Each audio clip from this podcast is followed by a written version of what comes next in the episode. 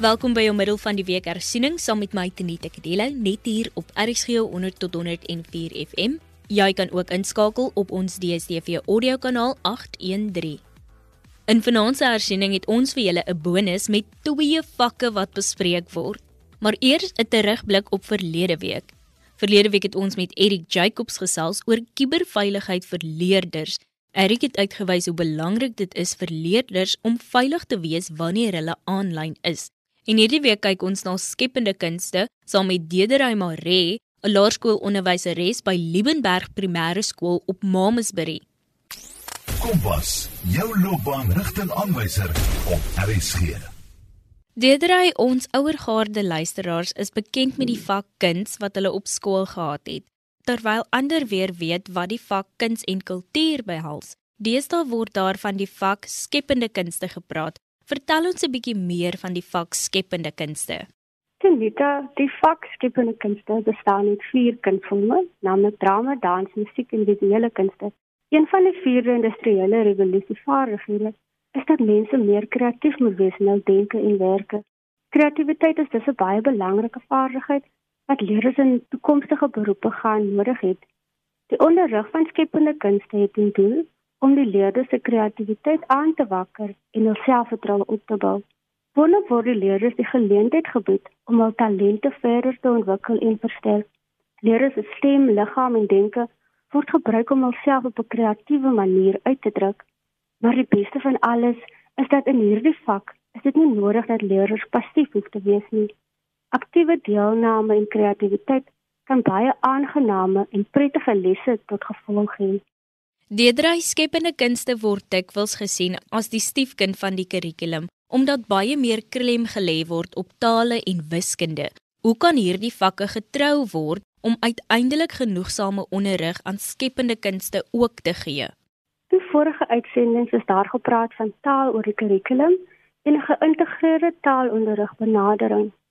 Deur van hierdie twee onderrig metodologieë en skepende kuns gebruik te maak, kan die aanbieding van die ander vakke ook baie meer interessant en prettig gemaak word. Wanneer ek dus 'n les gaan aanbied, soek ek altyd eers na 'n tema wat by al of die meeste van die vakke kan aansluit. 'n Tema wat jy maklik kan integreer met jou ander vakke. Herhaling van die sentrale tema veroorsaak dat die konsepte en vaardighede goed vasgelê word. Die feit dat alle leerders betrek word van die tema word in al die vakke herhaal, bring weer dat geen leerder uitgesluit word nie. Voorts word die taalvaardighede soos luister en praat, lees en kyk, en skryf en aanbied gebruik om skepende kunste te onderrig deur gebruik te maak van die leerder se stem, liggaam en visuele vaardighede. Die tema kan dus nie net in leesstukke gebruik word nie, maar ook op 'n praktiese wyse, soos die sing van liedjies, dramatisering en die skep van visuele kunswerke. Kan jy dalk aan die hand van 'n tema aan die luisteraars die konsep van taal in skepende kunste verduidelik asseblief? Laat my eers toe om te sê dat daar is 'n gesigte wat sê: "’n Prent vertel 'n duisend stories." Kom ons neem die tema van water. 'n Mens kan byvoorbeeld die storie van Mapula die reënmaker in tale gebruik. Dit is 'n fabel wat vertel hoe Mapula verantwoordelik is vir die maak van die reën in sy dorpie. Wanneer jy dan skepende kunste onderrig, gebruik jy weer dieselfde leesstuk. Jy kyk weer na al die taalaspekte in die leesstuk voordat jy met jou nuwe aktiwiteit begin. Leerders lees ook die leesstuk weer in 'n groepe en dan kan hulle die storie uitbeeld of begin 'n eie drama te skryf. So word die verskillende skryfstukke ook behandel en word dit nie net gelos tot die skryfperiode in taal nie. Wanneer dit egter later weer in die skryfperiode gedoen word, het leerders alreeds voorkennis van die skryf van die teks en word dan net weer formeel geleer. Vir hul opvoering kan leerders ook 'n reënstok maak wat hulle in hul opvoering kan gebruik. Leerders kan ook ander musiekinstrumente maak wat hulle kan gebruik om reën en wind voor te stel. Daar is baie liedjies oor water. Ons kinders moenie in die water mors nie, deur Philip Maree, wat aangeleer kan word en in verskillende stemme gesing kan word. Leerders kan ook hul gunsteling karakter in die fabel met waterverf teken. Nie net word die taalvaardighede versterk nie, maar die leerders kan werklik op 'n genotvolle en ontspannende wyse deur die integrasie van taal en skepende kunste leer. Jy luister na Kompas op RSG saam met my Tenita Kadello. en ek en Dedery Maree gesels oor die vak skepende kunste en hoe jy kan speel met taal binne in die vak. Dedery, jy sê dat leerders op 'n genotvolle en ontspannende wyse taal en skepende kunste kan leer. Kan jy dalk 'n paar aktiwiteite wat jy in jou klaskamer gebruik saam met ons deel? In skepende kunste moet die leerder baie keer die karakter vertolk in die fabel of die storie of die drama. Wanneer die leerder dan lees en foute maak, is dit nie hy of sy wat die fout maak nie, maar die karakter in die storie. Leerders voel dus nie so selfbewus nie en is meer ontspanne as hulle die aktiwiteit moet doen.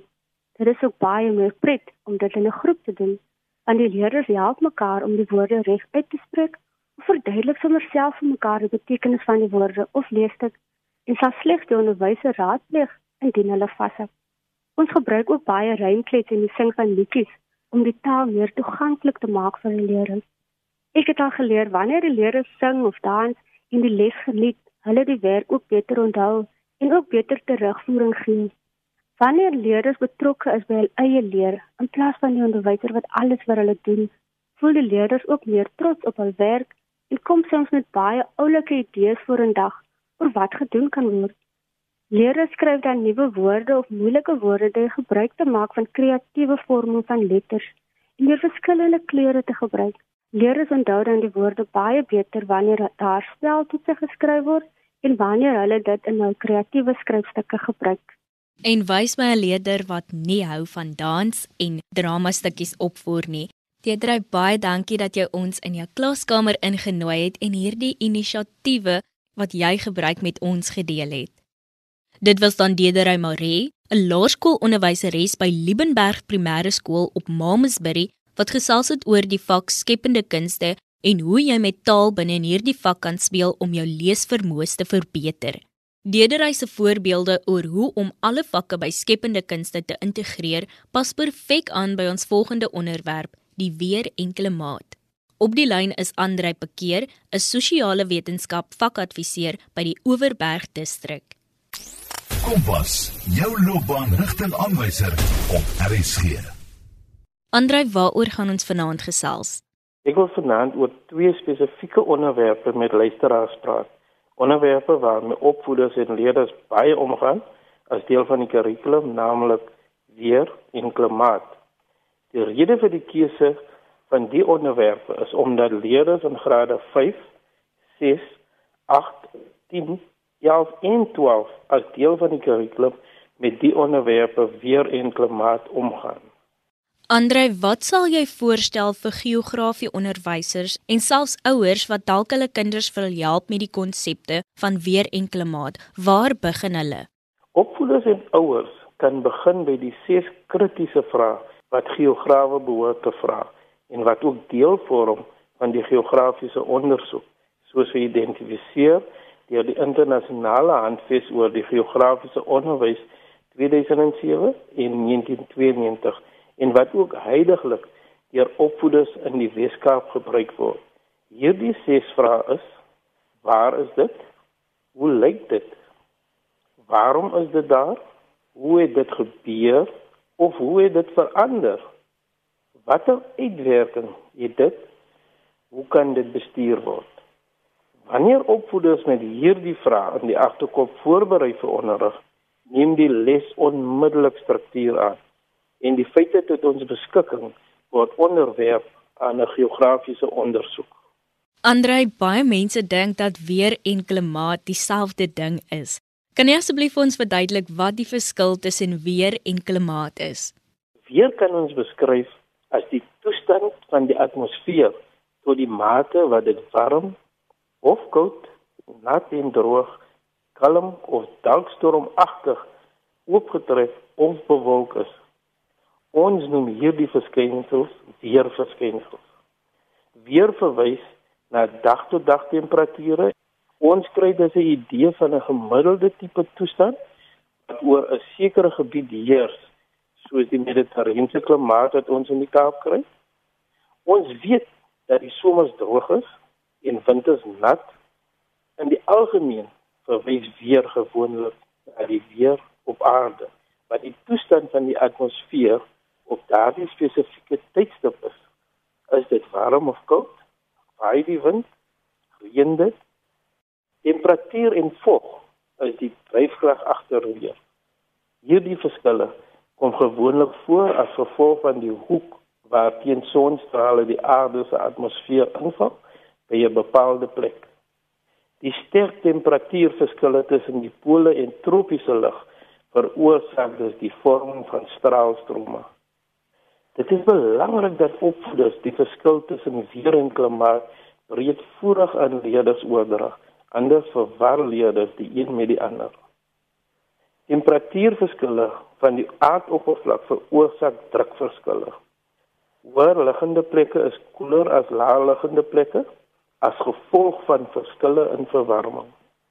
Weervoorspelling is dus die toepassing van wetenskap en tegnologie om die toestande van die atmosfeer vir 'n toekomstige tyd en 'n spesifieke plek te voorspel. Daar is bewyse dat daar pogings van die mensdom was om weer te beheer en daar is al bewys dat menslike aktiwiteite soos landbou en industrie per ongeluk weerpatrone verander. En daar leer ek ook nou sommer iets nuut in die proses. Andre, verduidelik asseblief vir ons luisteraars hoekom dit belangrik is om die verskil tussen weer en klimaat reeds van 'n vroeë ouderdom af aan leerders te verduidelik. Weer en klimaat is konsepte wat leerders in verskeie fases van hulle skoolloopbaan mee gekonfronteer word. Dit is dus belangrik dat reeds in die vroeë fases die onderskeid tussen weer en klimaat gemaak en vasgelê word. Indien dit nie gebeur nie, sukkel die leerders gewoonlik met die konsepte reg deur hulle skoolloopbane en volwasse lewens. En dan Andrei, vertel ons luisteraars en opvoeders wat nodig is om van 'n geografiese les 'n suksesvolle les te maak. 'n Geografiese les het verskillende kompartemente om hom suksesvol te maak. Ek wil begin by die dokumente wat beskikbaar is vir opvoeder om van 'n geografie les 'n suksesvolle les te maak. En daar is verskillende dokumente wat die onderwysdepartement beskikbaar stel vir opvoeders, soos byvoorbeeld die kurrikulum en assesseringsbeleidsverklaring wat eintlik die beplanning van die opvoeder is. Dan het ons ook in die Weskaap die onderrig en assesseringsplanne wat in Januarie 2020 na skole in die Weskaap uitgerol is, ook om opvoeders se taak te vergemaklik. Die opvoeder kan dus konsentreer op goeie voorbereiding vir onderrig met verskillende bronne wat oor dieselfde onderwerp geraadpleeg kan word. Voorbereiding vir onderrig staan dus sentraal in die soeke na 'n suksesvolle lesaanbieding. Hierdie dokumente wat jy nou van melding gemaak het, dien dikwels as hulpbronne ook. En hoe belangrik dink jy is die gebruik van hulpbronne tydens lesaanbieding vir altydens 'n les waar weer enkele maat behandel word. Hulpbronne tydens lesaanbieding is soms baie kontroversieel, maar in die praktyk is dit bykans onmoontlik om suksesvol te wees in geografie onderrig sonder om van hulpbronne gebruik te maak. Die verskillende digitale platforms tot opvoeders se beskikking maak dit ook makliker om hulpbronne te verkry. Die Weskaap Onderwysdepartement het ook sy eie webtuiste, die WKOD e-portaal waar opvoeders hulpbronne kan aflei.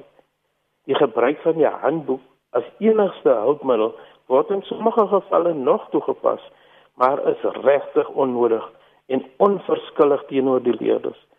Opvoeders kan met die druk van 'n knoppie toegang hê tot byvoorbeeld video's, elektroniese kaarte en so voort. Die daaglikse koerante is ook 'n goeie bron om te gebruik, veral om weer te verstaan.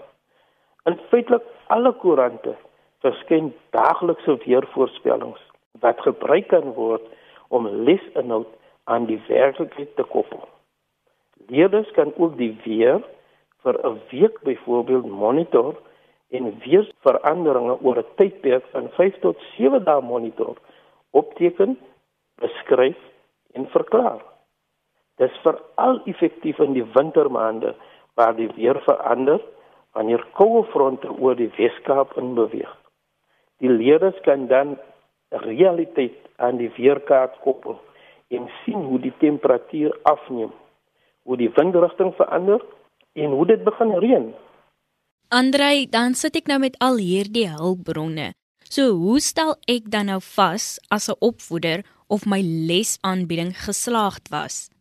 Uh, dit is baie belangrik om gedurende onderrig voortdurend informele assessering te doen. Nou informele assessering kan op verskeie maniere geskied. Die opvoeder kan byvoorbeeld terwyl hy onderrig net vinnig vraag en antwoord sessie het, hy vir leerders vra vra oor inhoud wat hy reeds behandel het, net om seker te maak dat alle leerders aan boord is.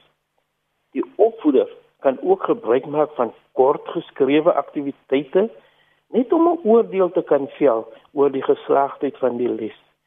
Dit is ook raadsaam vir die opvoeder dat indien hy of sy sou vasstel dat die meeste leerders in die klas nie 'n konsep verstaan nie, dit te herbesoek en dalk weer te verduidelik.